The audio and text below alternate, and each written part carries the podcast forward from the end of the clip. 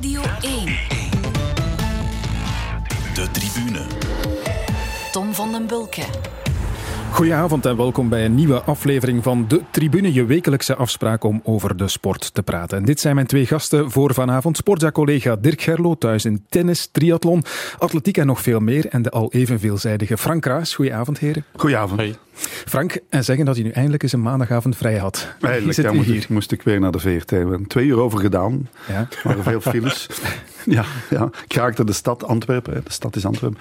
25 minuten heb ik gedaan om alleen uit de stad te raken. Ja, maar je komt nog eens graag naar de radio, Zeker, ja, hoop dus, ik. eh, ja, ik heb daar acht jaar gewerkt hè, op de radio. Ja, voilà, dat is al wel lang geleden. Daar gaan we straks misschien nog wel iets over vertellen. Maar goed, we beginnen bij het heden en eh, wat we hier doen. We hebben dat eh, gepikt uit een of ander tv-programma. Laten we de gasten elke week een moment kiezen. Ja, hun ja. moment van de Een week. moment van de week, ja, nog Kijk, gehoord. komt je misschien bekend in de oren, inderdaad. We gaan met dat van jou van wal steken, Frank. Dit is het jouwe.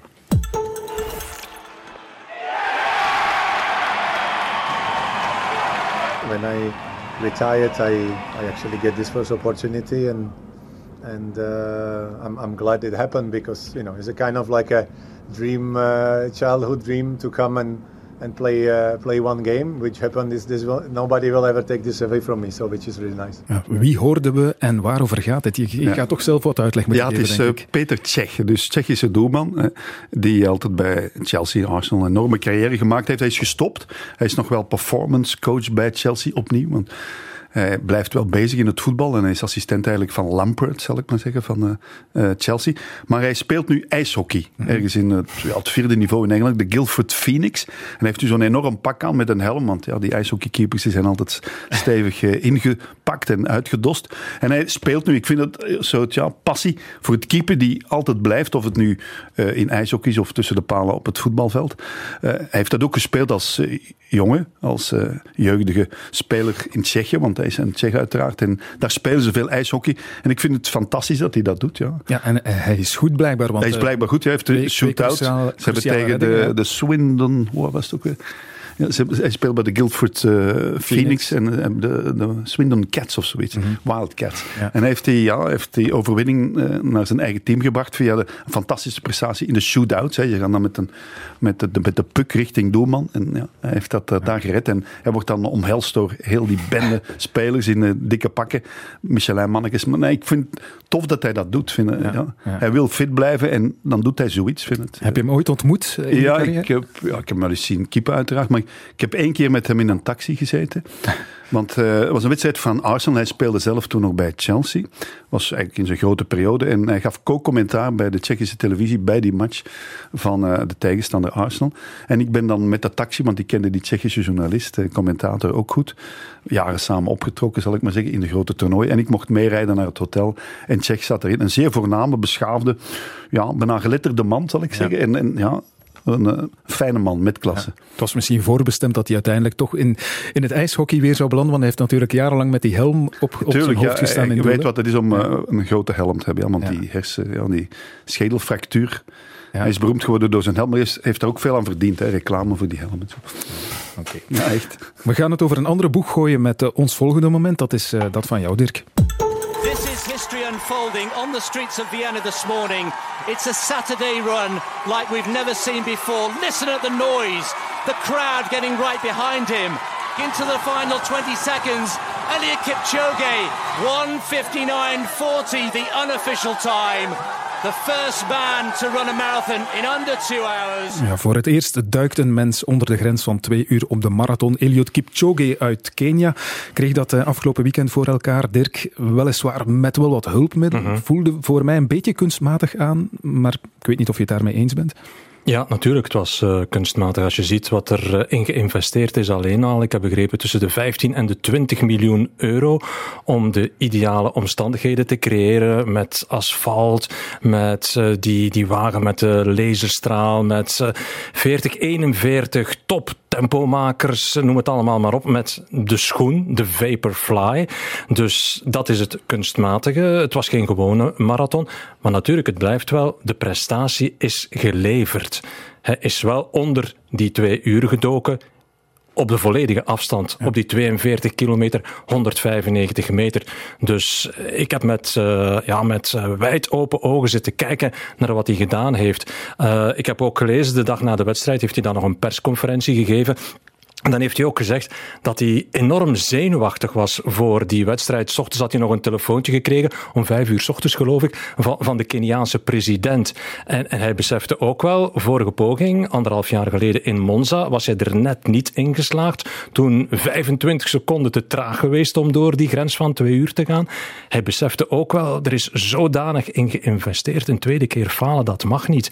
Dus en om bestendig uh, onder druk te blijven staan en dat hij het dan waarmaakt, ja, het is, een, het is een, en blijft een, een, fenomenale prestatie. Dit is iets dat echt wel een plaats in de geschiedenisboeken verdient. Ja, ik denk dat wij ons dat niet kunnen voorstellen. Frank, hoe snel dat wel, Ja, dus wel bijzonder is. snel. Dat is 2 ja. uur, uh, 2 minuten 50 op de kilometer. Ja.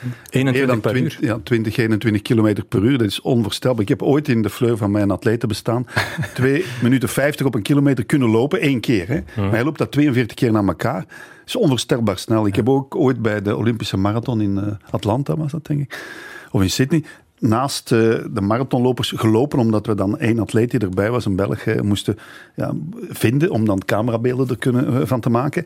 En ik moest daarnaast lopen en ik moest echt alles geven. En die lopen dat onvoorstelbaar. En nu ja. deze man, ja, dat is onwaarschijnlijk, die, die ja. tijden. Ja, ja dus die, die loopt zo snel als wij fietsen. En dan moeten we nog stevig trappen eigenlijk. Inderdaad. Snelste aller tijden op die marathon.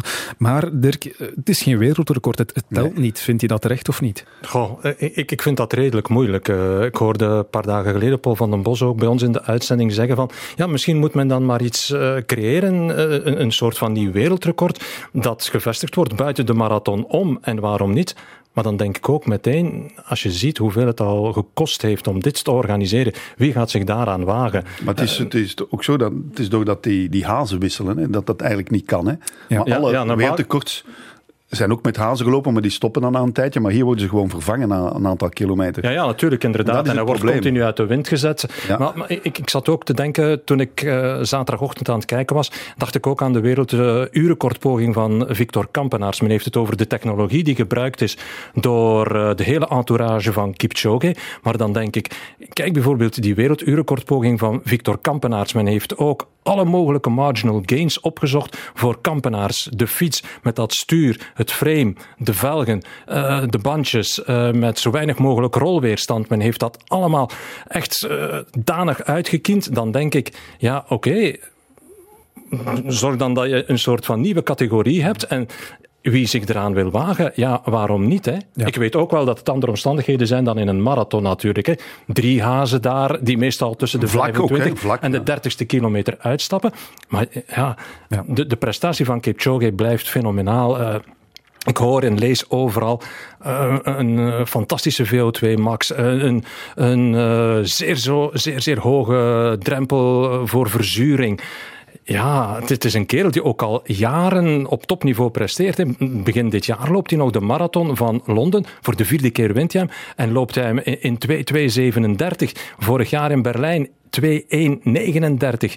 Ja, dat... Er is ook een die Belgische kort in Chicago gelopen. Ja, en bij de vrouwen dan ook een ja, wereldrecord. Ja, fantastisch. Ze blijven wel vooruit gaan. Hè? Ja. Dat is het weekend van de records, dat is zeker En die waar. schoenen, denk dat die, ja, Nike daar ook wel een goede zaak aan doet. Ja, ja, ik, ik, wil die ook hebben. Ja, ik heb gelezen, dus ze gaan ze binnenkort op de markt brengen. Ik uh, denk 200, dat de investering 200, er al uit is. 270 of 275 euro oh, voor een paar schoenen. Ja, dat kunnen. Gaat het de mens ooit lukken op of onder normale omstandigheden onder de ja. twee uur duiken? Ja. Dat denk ik ook wel. En dan gaat men er wel voor zorgen dat de hazen absolute tophazen zijn, die het de 30, 35 kilometer gaan uithouden. Dat de drankjes die zullen moeten worden genomen op de tafel, dat die dan nog beter zullen klaarstaan. Dus men zal wel ook in een gewone marathon is proberen van de omstandigheden te creëren. Waarom dit in Berlijn? Om echt optimale omstandigheden te voorzien, zodanig dat een Kipchoge, eventueel een Kenenisa Bekele, twee seconden boven de wereldrecordtijd van uh, Kipchoge in Berlijn een paar weken geleden. Dus ja. er zijn er wel een paar die het in zich hebben, die het potentieel hebben. Hè? Ja. Maar het is zo vroeg, twee, onder de 2 uur 10, het was formidabel. Hè? Ja. Eerste Belg was Armand Parmentier. Parmentier ja. En dan, Periode van Salazar. Ja, en dan, ja, Salazar, dat was 2 uur 10 ongeveer. En dat was fenomenaal fenomenaal. Nu, nu lopen ze gewoon tien, minuten sneller. Mhm. Ook Belgische kort ook, dat is 2 en 6 nu. Eh, Vincent Rousseau, toch fantastische loper. Ja, die, die hebben dat allemaal afgebouwd. Het kan nog altijd sneller, denk ik. Ja, ik denk het wel. Oké, goed. Bij wijze van uitzondering, eh, beste heren, ehm, en omdat jullie de gasten zijn nu eenmaal, heb ik zelf ook voor een eh, moment gekozen. Aha. Het is, eh, ja, noem het misschien een retro-moment, niet van afgelopen week dus. We Ai. moeten zelfs 23 jaar terug in de tijd naar Atlanta 1996. Take your marks. Ze staan klaar. En ze zijn weg. En een goede start van Frederik de Burggraven. Kijken aan een seconde of vijf. Komt hij boven. Oh, hij komt fantastisch uit het water. Hij komt al een eh, kleine halve meter voor de Hongaar. Gaat perfect. En u hoort die fluitsignalen door merg en been gaan. Hij danst op het water en gaat zonder twijfel als eerste keren. Nu kijken, want nu komt het erop aan dat hij alles geeft. Dat hij dat eh, slagritme dat hij heeft tussen de 48 en 52 slagen per minuut, dat hij dat opdrijft. Met de Burggraven, kijk eens aan. Demonstratie in de reeks. Hij moet het doen, hij moet het doen ook straks. Op 75 meter gaat het perfect. Hij is op weg naar de Olympische titel. Maar hij moet doorgaan, Frederik de Burggraven. Want Jeremy Lin die komt nog sterk opzetten. Maar hij houdt het vol. Frederik de Burggraven hij gaat als eerste aantikken. Ja, ja, ja, ja, ja, ja. 1-0-0-60. Fred de Burggraven is eruit. Ja, ja, Roland Kaas gaat de lucht in. Fred de Burggraven, wat een demonstratie. Ja, het is een eh, moment uit de collectieve sportgeschiedenis natuurlijk. Olympisch goud voor Frederik de Burggraven. Op de 100 meter schoolslag door jullie becommentarieerd. Ja, De voor de ja. radio en de andere voor tv. Wat me eigenlijk meteen opviel, Frank, dat gefluit van, van de coach maar die Ronald stond Gaastra. naast mij, hè. Ik ging het zeggen, stond hij dan zat- naast jou? Ja, ja, die stond hier. Dus Sidney Appelboom zat naast mij als co-commentator. Ja. En eh Gaastra die kon daar beter zien. En die floot zo hard, maar die stond ja, op eh, 20 centimeter van mijn microfoon. Hè. Ja. En dus die, die fluitsignalen, die zijn die, al, elke keer als hij boven kwam. Hè.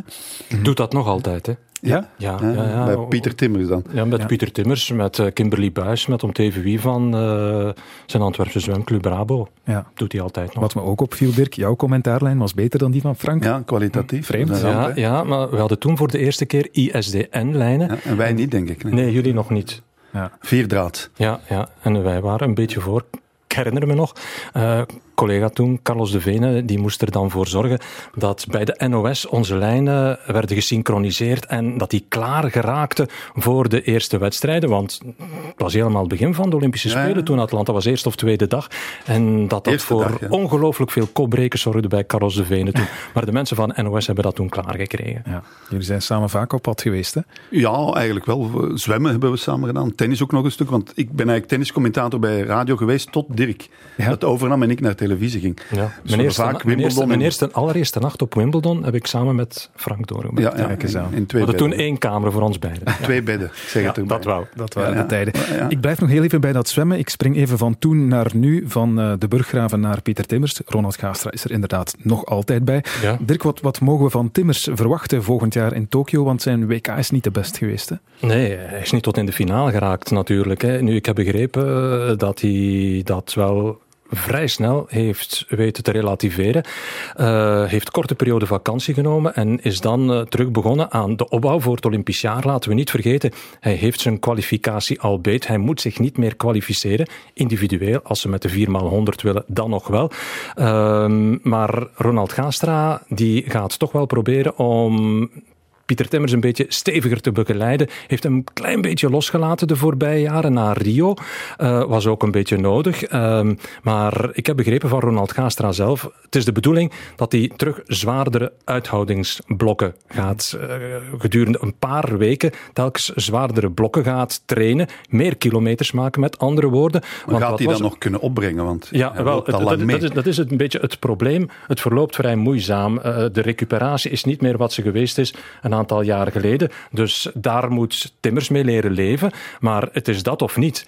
En als je kijkt naar de prestaties op het wereldkampioenschap, ja, je hebt twee man die er helemaal boven uitsteken. Je hebt Kyle Chalmers en dan nog een Amerikaan, Caleb Dressel. Ja, dat zijn mannen die 46 hoog, 47 laag zwemmen.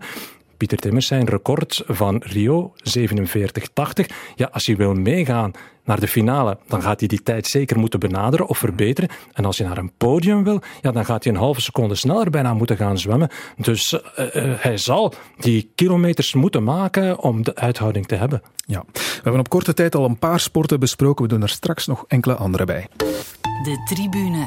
Frank Raas en Dirk Gerlo zijn mijn gasten vanavond. Maar voor de gelegenheid heb ik er ook een derde stem bij gehaald. Goedenavond, Steffi Merlevede. Hallo, dag zo. Sportza-collega uiteraard. En, dat is wellicht veel minder bekend, denk ik, voormalig gymnaste. Was jij ook een talent aan de brug of op de balk?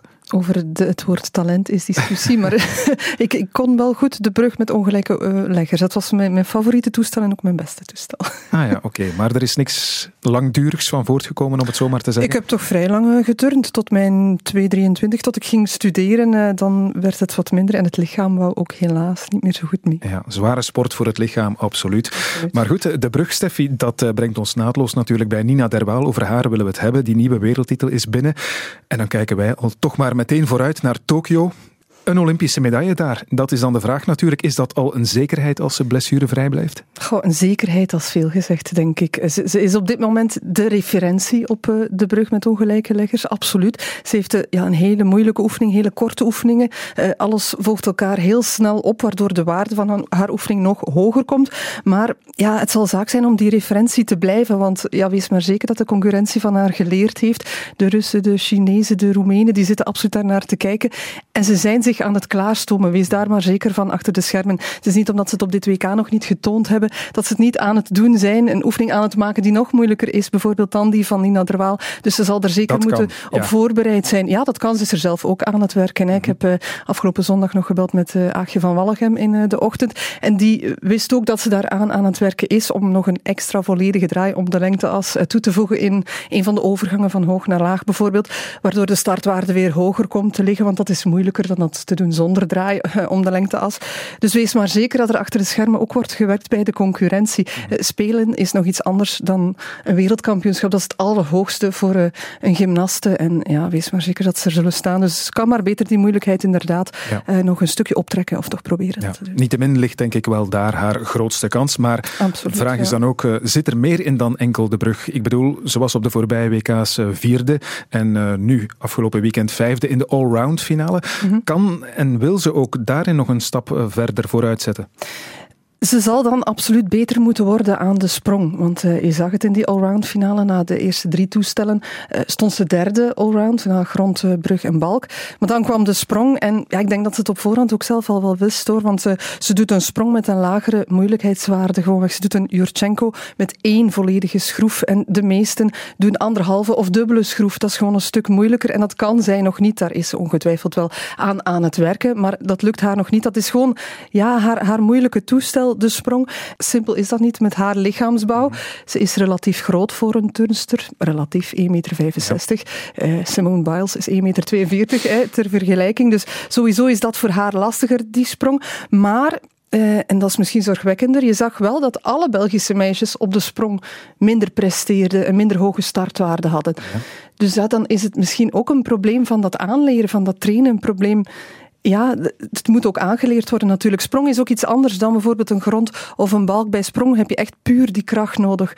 Grond is ja, acrobatie, is elegantie, is choreografie, balk ook, brug. Ja, heel veel andere elementen, heel veel verschillende elementen nodig. Maar sprong is puur kracht. Ja. En ja, misschien ligt daar ook wel een probleem. Moet daar ook een kleine aanpassing gebeuren? Ik weet het niet. Een aparte coach erbij. Puur voor sprong bijvoorbeeld. Of op een andere manier dat gaan trainen. Binnen ja. die Belgische ploeg. Je legt zelf al een beetje de link naar eh, de ploeg inderdaad. Naar het team. Derwaal is daar de exponente van. Van dat team. Dat trouwens ook uh, volledig voltallig naar Tokio mag. Mm -hmm. Zit daar eigenlijk nog ergens een andere potentiële Derwaal tussen bij die meisjes? Goh, ik heb het voorlopig niet gezien. Derwaal, dat is echt wel een uitzonderlijk talent. Het zat er al van jongs af aan in. En ook, ook die mentale sterkte uh, die ze heeft. Al de rest, ja, heb ik het gevoel, schiet toch ergens nog een beetje tekort. Je hebt natuurlijk die Jade van Steenkisten bijvoorbeeld, heel veelbelovend. Axel Klinkaert ook, als er weer bij kan komen. Um, na die blessure, maar Elise Brassard, turnsters op een ja, heel degelijk niveau. Had je dit tien jaar geleden gezegd over het Belgische turnen, hadden veel mensen je nog niet eens geloofd, denk ik. Dus het is wel al straf wat ze doen met die toptraining trainers met Kiefer en met zijn echtgenote, onder andere ook in dat team, Marjorie Euls. Maar een andere derwaal heb ik voorlopig niet gezien. Maar goed, als team is het wel belangrijk dat ze erbij zijn, dat ze meegaan ook met derwaal naar die spelen. Het is een groep vriendinnen, ze kunnen haar ook vooruitstuwen daar, denk ik. Mhm. En als ze, zoals ik al zei, aan de sprong dat stapje kunnen zetten is top 8 misschien wel mogelijk. Kunnen ze wel degelijk als team daar ook iets neerzetten, denk ik, op de Spelen. Afrondend, uh, het verschil met de mannen, dat wil ik nog wel eens weten. Want uh, oké, dat gaat prima met het vrouwenteam, maar bij de mannen loopt het wel minder goed. Hè? Ja, inderdaad, ze hebben uh, die Olympische kwalificatie niet gehaald. Een heel zware klap is dat voor hen. Maar ja, als ik kijk naar het verhaal bij de vrouwen, die Franse topcoach, Yves Kifer, is er wel echt een heel belangrijke factor in hoor. Um, elf jaar geleden ongeveer, zoiets zal het zijn, is hij erbij gekomen. En, en ja, die heeft die, die, dat vrouwenturnen echt wel naar een hoger niveau kunnen stuwen. Ze hebben heel veel geld betaald voor Kifer. Um, ze zijn zich daar ook van bewust. Maar ja, met alle respect voor het team bij de mannen, bij de staf, zie ik niet zo'n sterke figuur daar. En dat is toch wel ja, essentieel voor zo'n team. Um, is keihard bij momenten voor die meisjes, maar ik ze wel echt klaarstomen, fysiek, mentaal. Terwijl het bij de mannen ja, een stuk lastiger, lastiger gaat. Je, ziet het aan alles, zowel in de, in de uitvoering, in de techniek van die mannen. Heel af en toe, ja, ook in een houding en zo. Eh, in alles zie je dat dat een, een, een heel ander team is. Maar bij de gymfed zijn ze zich daar ook van bewust. Ze zien dat ook natuurlijk wel, dat verschil tussen die mannen en die vrouwen. Maar ik zeg het, Kifer heeft heel veel geld gekost. En als je gaat kijken naar een turnclub in Vlaanderen, bij de meeste ga je veel meer meisjes zien dan jongens. De instroom is gewoon veel groter ook bij het meisjesturnen dan bij het jongensturnen. En als je dan een keuze moet gaan maken, dan gaat er meer geld, vermoed ik, eh, naar het vrouwenturnen. En dan is de keuze duidelijk. Maar ja, het missen van die spelen, het is wel een heel grote klaphoor voor die mannen. Die trainen ook 30, 40 uur per week. Met die spelen altijd al in het hoofd. En als je dat dan mist, ja, dat is heel lastig. Ja, ook in de ontwikkeling, de verdere ontwikkeling van dat team, is dat uh, nefast. Oké, dat is een duidelijke analyse. Dankjewel, Steffi. De tribune. Ja, Dirk en Frank, ik uh, koppel aan Nina Derwaal en het turnen graag nog een uh, interessant discussiepunt vast. Want wie moet straks sportvrouw van het jaar worden? Dat is ook de vraag natuurlijk. ja, We hebben keuze zat, keuze uit uh, drie favorieten in elk geval. En de winnaar is... Nafitiam. De toekomst lacht haar toe. Volgend jaar misschien op het hoogste schavotje in Tokio. Maar eerst, Ruben, kom jij met een vrouw die nu al alle awards zou verdienen, denk ik zo. Nina Derwaal is terug in het land. Die is inderdaad terug in het land. So much talent on the court. So much talent. But we do have to pick one MVP. Emma Miesemin, your MVP. Ja, Emma Meeseman, Nina Derwaal, Nafitiam. Wie, wil, wie wil beginnen? Ja, ik ga zeggen dat ik al jaren niet meer stem voor sportman en sportvrouw van het jaar. Okay. Omdat wij diep in ons hart journalisten stemmen hè, voor, uh, weten dat dat onvergelijkbaar is. We hebben nog zo'n uh, voorbeeld gehad in 1996, 97. Toen hadden we bij de mannen, was dat toen wel, Luc van Lierde, die had de Hawaii Ironman gewonnen tegen een recordtijd. Fred de Bruggraven was Olympisch, Olympisch kampioen uh, op de 100 meter schoolslag. En Johan Museeuw was wereldkampioen wielrennen in Lugano geworden. En er moest er ook gekozen worden. Uiteindelijk ja. was het dan Fritte Bruggraven, Olympisch goud enzovoort. Maar die heeft dan één minuut tijd voor nodig voor die 100 meter. Iets meer toen nog. Nu is het al uh, vier seconden sneller. En dan uh, Luc van Leerde. Ja, Acht uur en vier minuten ja, voilà. en, en, dan hebben we ook nog, uh, ja, wie was er nog? Johan Museeuw. Dat is ook een hele dag. Dus dat is onvergelijkbaar. En wij zien ook alleen maar flitsen daarvan. Fracties van wat die mannen of vrouwen kunnen. Hey, maar meestal, maar we zien nu wat beelden. En we zien ook Nafitiam wel eens bezig uiteraard. En, maar toch weten wij daar niet genoeg van om dat allemaal te kunnen vergelijken. Wij kunnen niet specialist zijn, wij journalisten, in alles. Daarom stem ik daar al lang niet meer voor en de Sportpersbond zal mij dat uh, uh, niet ja, in dank afnemen misschien. Maar ik vind het onvergelijkbaar. Ik stem wel voor de gouden schoen. Maar ik ga ook niet stemmen voor de gouden schoen in Nederland of Frankrijk, omdat ik dat niet genoeg ken of volg. Ik kan dat in België amper volgen en dan kan ik wel vergelijken. Maar, ja, dus ik doe dat niet meer en ik vind het, ze mogen alle drie winnen, want ze zijn alle drie zeer straf. Het strafste, want ja, nu is het maar zilver voor Tiam en dan zeg je, hoe zit dat nu voor volgend jaar en die elleboog en zo. Ja. Nee, dat is alle drie zodanig sterk, fenomenaal, gigantisch goed, dat ze alle drie maar moeten winnen. Ja, maar er kan er maar eentje winnen. Dat weet ik, maar, daarom, maar wij vinden die nevenklassementen te belangrijk, dus prestatie Ja, ik, moet ook toegeven dat ik uh, me moeilijk kan vinden in uh, de manier waarop we moeten stemmen, inderdaad. En als je gewoon kijkt naar de, de sportjournalisten in, in Vlaanderen, dan, dan zie je de meeste zijn gespecialiseerd ofwel in voetbal ofwel in wielrennen. Nu hebben we te maken met een zevenkampster, zeven verschillende disciplines in de atletiek. Dan heb je iemand die basketbal speelt, die we nauwelijks bezig zien in, in Rusland, die we dan nu af en toe met flitsen is bezig zien in Amerika. En, en dan heb je nu Nina Derwaal, ja, die zien we alleen maar gedurende een paar minuten bezig op een wereldkampioenschap, op een Europees kampioenschap. En, en dan wordt van ons eigenlijk een beetje verondersteld dat we daar echt goed over gaan oordelen. Ik vind dat zeer, zeer moeilijk. Dus op dat vlak kan ik Frank alleen maar bijtreden.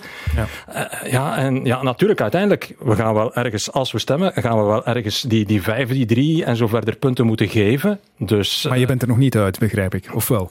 Um, Doe mij maar Nina Derbal, ik Kijk, ja, ik, ik, ik, zit ook met Nina Derwaal in mijn achterhoofd omwille van de leeftijd. 19 jaar nog altijd maar.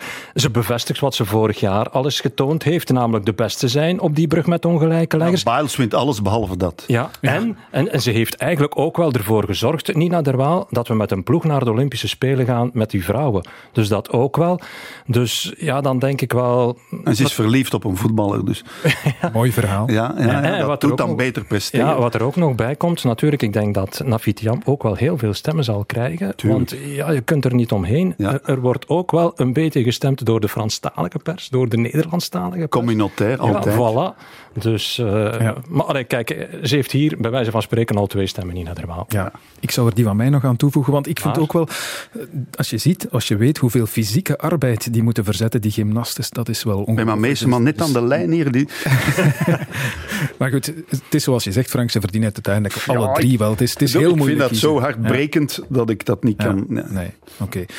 Er loopt momenteel trouwens een poll op uh. Meer dan 20.000 mensen hebben daar al gestemd. En uh, ja, misschien een beetje verrassend dan toch. Ruim 60% kiest voor Emma Meeseman, 34% voor uh, Nina Derwaal en 5% voor Nafitiam. Kijk. Ja, maar dat basketbal is natuurlijk de Washington Mystics, alleen die naam, ja. dat helpt allemaal. Dat is een andere soort spektakel helemaal. Hè. Ja. Maar op een ja, het is ook, nieuw. ook een beetje het is ook wereldkampioen. Nieuw. Het is ook nieuw. Vorig jaar uh, was ze er niet bij in de finale. Toen gaf ze de voorkeur aan de Belgian Cats. Nu heeft ze dat meegeschreven, dat verhaal. Dus dan kom ik er wel in dat mensen met hun sympathie ook richting Emma Meeseman gaan. Ja, oké. Okay. Het wordt een boeiende discussie. Zoveel is ja. zeker. De tribune. De tribune met vanavond Frank Kraas en Dirk Gerlo en met de Rode Duivels. Duivels die zich met de vingers in de neus geplaatst hebben voor het EK van volgend jaar. En dat ging in vroegere tijden wel eens moeizamer. Ik vind het formidabel klaarland. Lekker zo'n onze. Het zijn bijna elke keer een testmatchen. We zijn zeker het land van de testmatchen, want we hebben na drie keer in achterin testmatchen gedaan en drie keer gewonnen. En drie keer spelen, hoe dat ze zeggen, à la Belge. Mooi. Wijle Raymond Goethals over de kwalificatie voor het WK van 2002 was dat in die tijd, Frank. Ja. Hadden de Belgen vaak nog testmatchen nodig, inderdaad. En nu lijkt kwalificatie voor een groot toernooi, dat lijkt een, een fait divers geworden. Ja, we zijn zo sterk dat we eigenlijk geen enkele referentie meer hebben in die voorrondegroepen. Hè. We, ja, San Marino, Kazachstan. Ja. Tegen Rusland hebben we gewonnen thuis. Niemand weet nog met hoeveel, omdat die matchen eigenlijk, ja, wat moet je ervan denken? De Belgen zijn zo sterk. Ze hebben dan tegen Zwitserland in de Nations League wel verloren. Dat kwam zeer hard aan. Maar het jammer is dat er steeds meer ploegen worden toegelaten op het WK, EK.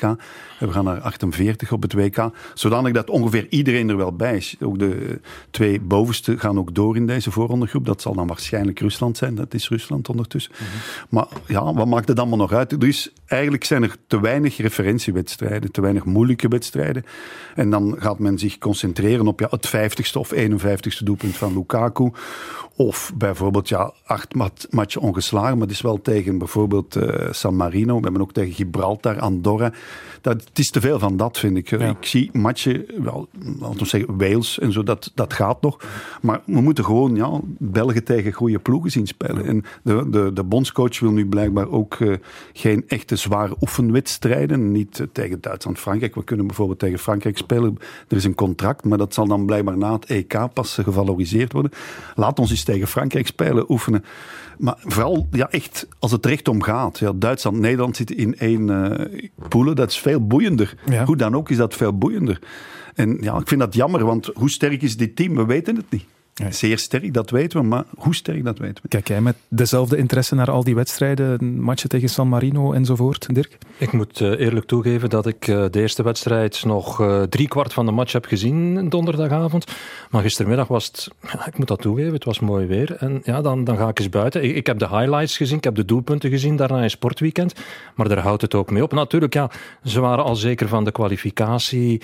Ja, ik was benieuwd, gaat praten aan de aftrap komen, zoals ik benieuwd was naar gaat Van Aken starten donderdagavond. Dat soort zaken wel. Maar verder, ja... Ja, het is te veel geworden. Hazard gooit zijn schoenen in, de, in het publiek. Dat is dan op, Nieuws. op de deur. Dat zijn de verhalen. Hè? Dat is het belangrijkste dan. Ja. Dat vind ik jammer. Nee, ik wil matchen zien. Matchen. Ja. Maar we moeten toch iets onthouden dan van die wedstrijden, denk ik.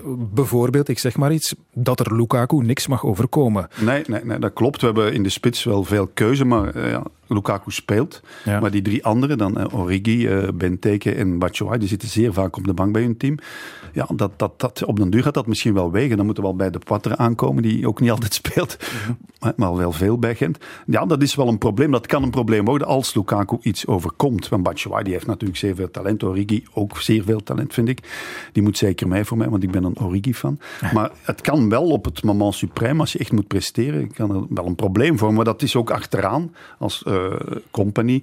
Ja, uh, Vermalen, die worden wat ouder, die hebben ook wel eens last van blessures. Dat kan een probleem worden, want uh, op het EK 2016, toen Vertongen en Vermalen tegelijkertijd uitvielen voor de wedstrijd tegen Wales, ja, dan hebben we dat wel cash betaald. Ja.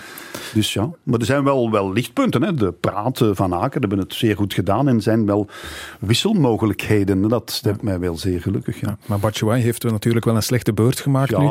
En, en ik zou de vraag misschien Batshuayi heeft dat, omdat zijn attitude, die stoort vele mensen. Ja.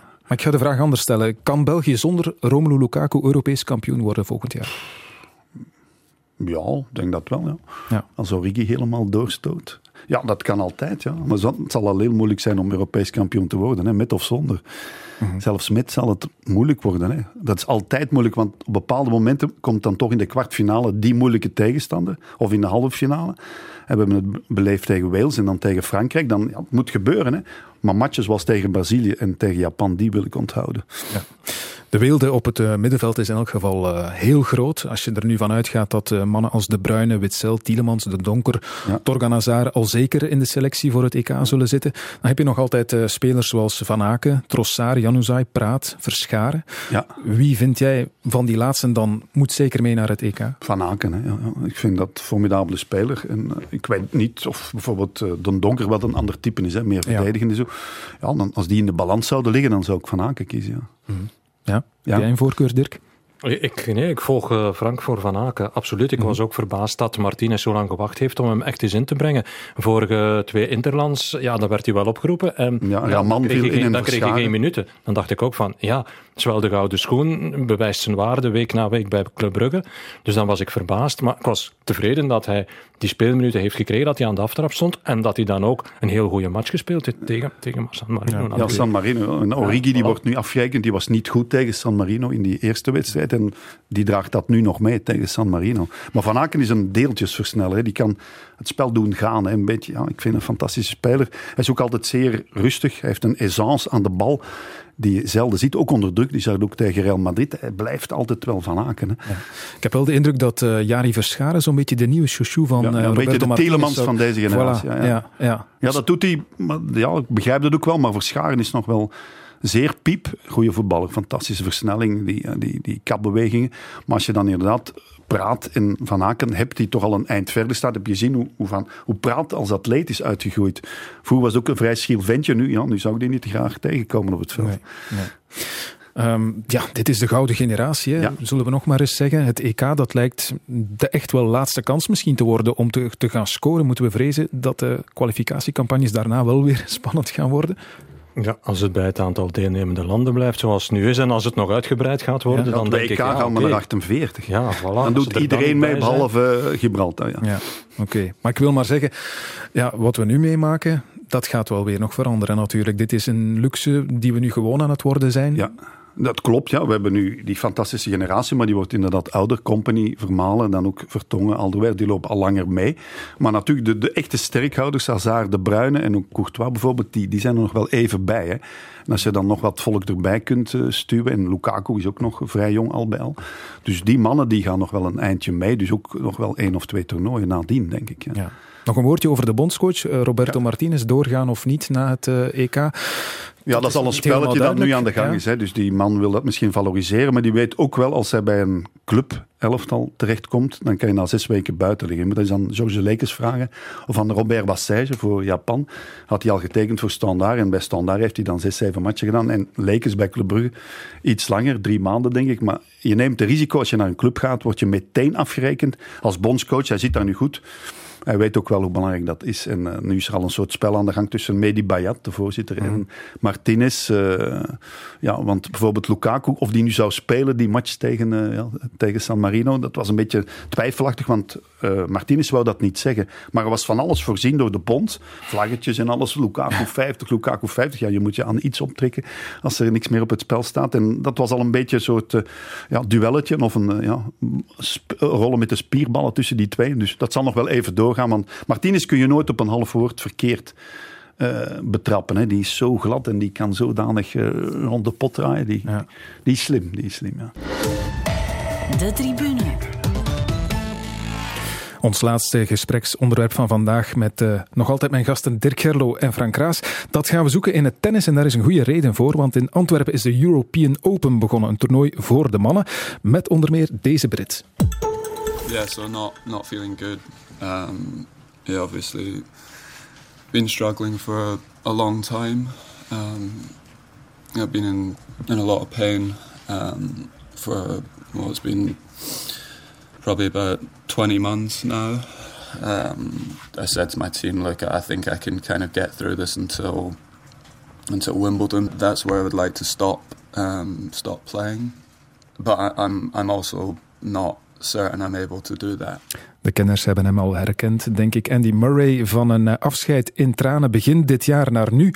Het uithangbord zowaar van het toernooi in Antwerpen. Dirk, straf? Ja, ik, ik, was een beetje verbaasd op de Australian Open dat hij op uh, centercourt eigenlijk al werd uitgewuifd. Mm. De operatie moest nog komen uh, en eigenlijk was er wel een, een, behoorlijk grote kans dat die operatie zou slagen en dat hij dan nog wel eens zou proberen om terug te komen. Maar hij werd eigenlijk door al zijn collega's al uitgewuifd en tot tranen toe bewogen. Maar ik dacht van, ja, die kerel heeft nog wel een kans om terug te komen. Misschien niet op het hoogste niveau, maar om wel nog competitief te zijn. En hij is dan uh, kort na Wimbledon terug begonnen op het Amerikaanse circuit met uh, dubbelwedstrijden. En als je nu ziet dat hij de voorbije weken uh, in Azië ja, bijvoorbeeld tegen Fognini nu vorige week echt een heel goede wedstrijd speelt. Dat hij terug al tot in kwartfinales van grotere toernooien geraakt ja, dan, dan verbaast mij dat niet. Dat is een kerel met ongelooflijke klasse natuurlijk. Hè. Vergeet ja. niet, die, die, heeft twee keer Olympisch goud gewonnen, die heeft twee keer Wimbledon gewonnen, die heeft de US Open gewonnen. Dus die tenniskwaliteiten is hij nooit kwijtgeraakt. En als het lichaam terug op orde kwam, dan... Ja, dan, dan Kom, komt hij dan weer bij die drie andere grote, Federer, Nadal, Djokovic? Um, ja, dat zou, dat zou kunnen. Nu, hij zegt nu ook wel hij is nu pakweg een klein half jaar bezig. Nee, in vier maanden is hij bezig aan zijn comeback. Uh, dat hij wel nog uh, verbaasd is door het, gebrek aan competitieritme. Je bent er een tijd uit geweest. En, en, om weer op het hoogste niveau mee te kunnen, eh, zeker in enkelwedstrijden, de snelheid van de rally, de kracht waarmee de bal geslagen wordt, ja, daar heeft hij het nog wat moeilijk mee om dat door te trekken. Niet voor één wedstrijd, maar om twee, drie, vier en een Grand Slam zeven wedstrijden op rij te winnen. Ja, dat zal zijn tijd nog wel duren. Maar ik zie die volgend jaar wel toernooien winnen. Ik weet niet in Grand Slam en of hij permanent kan aansluiten bij de grote drie. De vraag is ook of de grote drie volgend jaar nog de grote drie zullen zijn. Maar ik zie die zeker nog toernooien winnen. Ja. Deze week dus te bewonderen in uh, Antwerpen. Dat moet min of meer bij aan de hoek zijn, uh, denk ik. Nee, ja, het is in de Lotto Arena, denk met ik. Met de fiets of met ja. de metro is dat zeer dichtbij. Met de auto ben je drie dagen onderweg. Ja. Volg je tennis nog zoals ja, vroeger? Niet, ik heb het een beetje gelost uiteraard, maar ik heb ja, elf keer Wimbledon gedaan en uh, ongeveer evenveel keren ook Roland Garros, ook wel eens Flushing, Flushing Meadow af en toe. Maar ik heb het een beetje gelost en ja, het zijn ook altijd dezelfde, Nadal, Federer en Djokovic.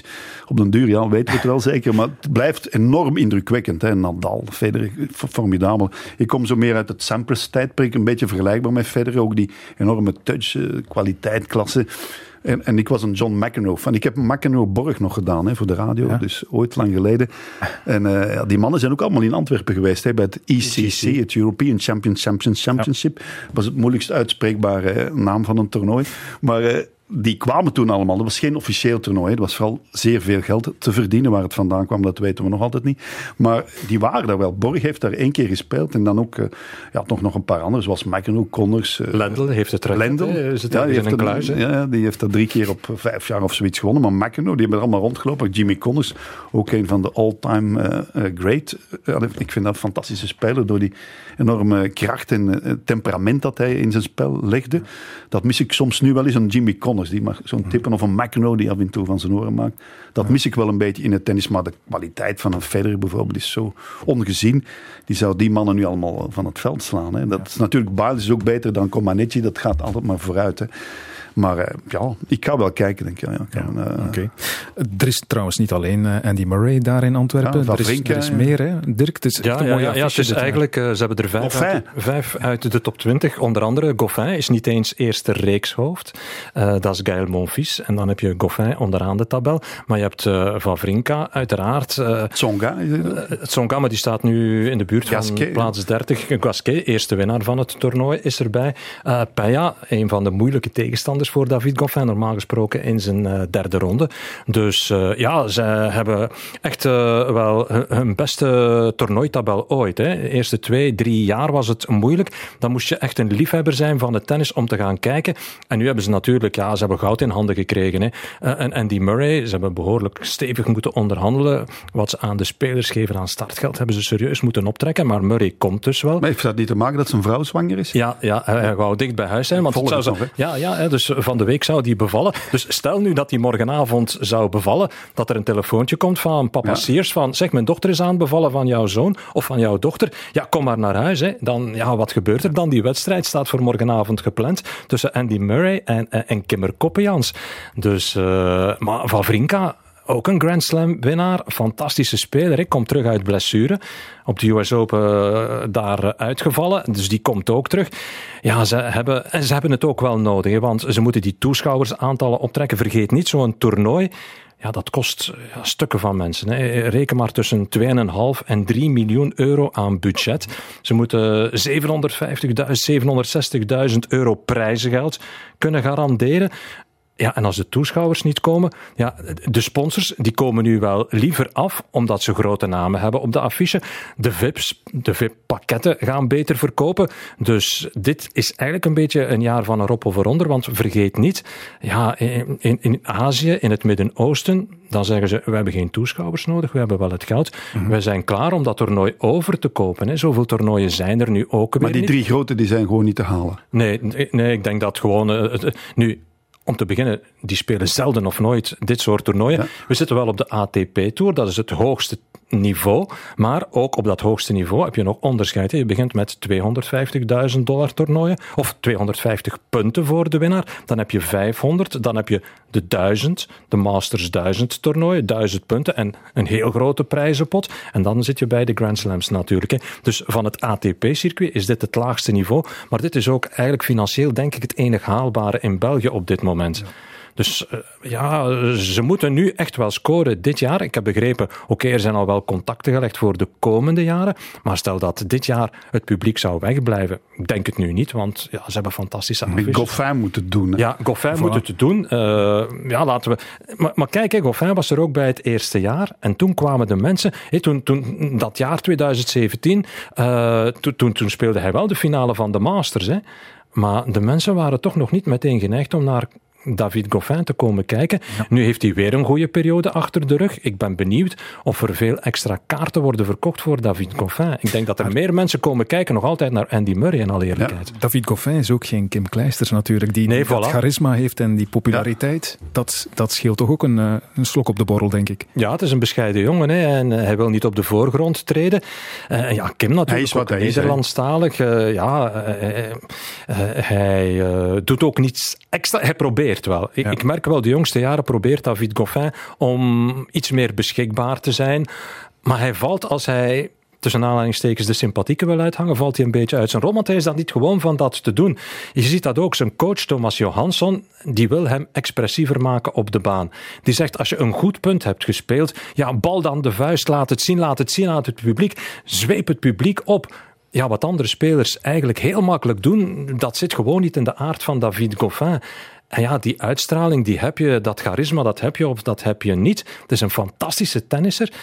Maar ja, de uitstraling is minder dan die van Andy Murray, die al eens uit zijn rol valt. Die is met zijn racket uh, op de grond slaat. Die uithaalt, uh, vorige week nog, naar ja. de umpire, omdat hij het niet eens was met uh, Fonini, die tijdens een rally nog even riep als hij hem volley ging slaan. Dat soort zaken. Ja, David Goffin zal nooit een Jimmy Connors worden. Nee, zeker geen McEnroe. Nee.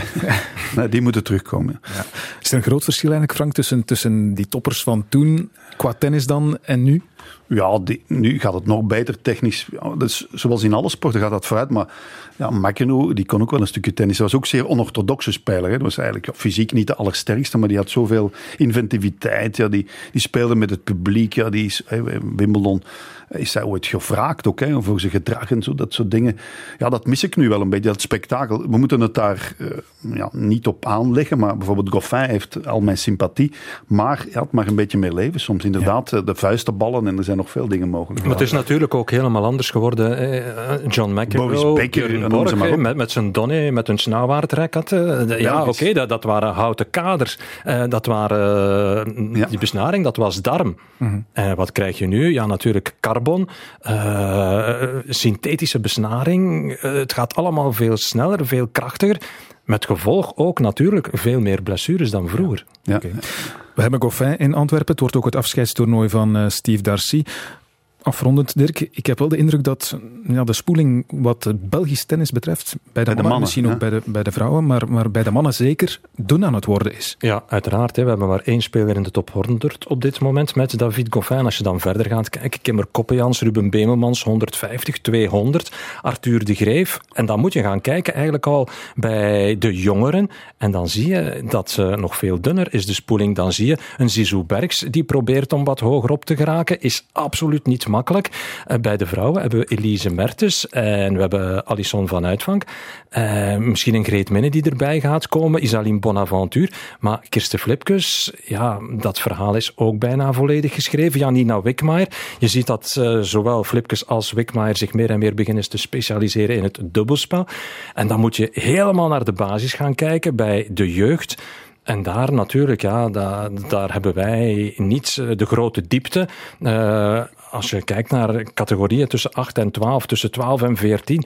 Ja, als je daar één of twee spelers hebt die een, een ranking hebben internationaal, ja, die vind je nauwelijks. Nu, voor mij is dat niet altijd een probleem. Als je nu kijkt naar Medvedev en je kijkt naar een Berrettini, staan allebei in de top 100, was eigenlijk in de top 10. Mm -hmm. Ja, die hebben nooit een juniorenklassement gehad dat op iets trok. Dus we moeten ook niet panikeren, maar er zal vooral veel moeten geïnvesteerd worden en jongeren de kans geven om door te groeien. Niet meteen afrekenen op resultaten, wat vaak gebeurt nu. Ja, oké. Okay. We moeten stilaan afronden, Dirk en Frank, want je gelooft het nooit. Wonderland ja. staat in de gang. Wonderland. Wonderland. De gang, ja, ja. Dat is wel zonder hond, is, denk ik. Het is snel voorbij gegaan, moet ik zeggen. Bijna zo snel als extra tijd. vliegt elke week weer voorbij. Afrondend vragen we nog altijd uh, waar jullie naar uitkijken nog deze week. Um, begin gerust, Frank. Ik ga even nadenken. Tennistoernooi in Antwerpen uiteraard. En uh, dit weekend weer uh, ja, voetbal. Hè. Okay. Uh, Anderlecht in Truiden, Genk Standaard. Top. Jij, Dirk? Ja, tennistoernooi van Antwerpen. Ik zou graag hebben dat Coffin de finale speelt. Dat hij nog in aanmerking komt voor de Masters. En morgen vrijdag. Kijk eens aan. Geniet ervan. Morgen. Bedankt voor vandaag. Bedankt Dirk Gerlo en Frank Raas. Graag gedaan. Dit was ja, de Tribune.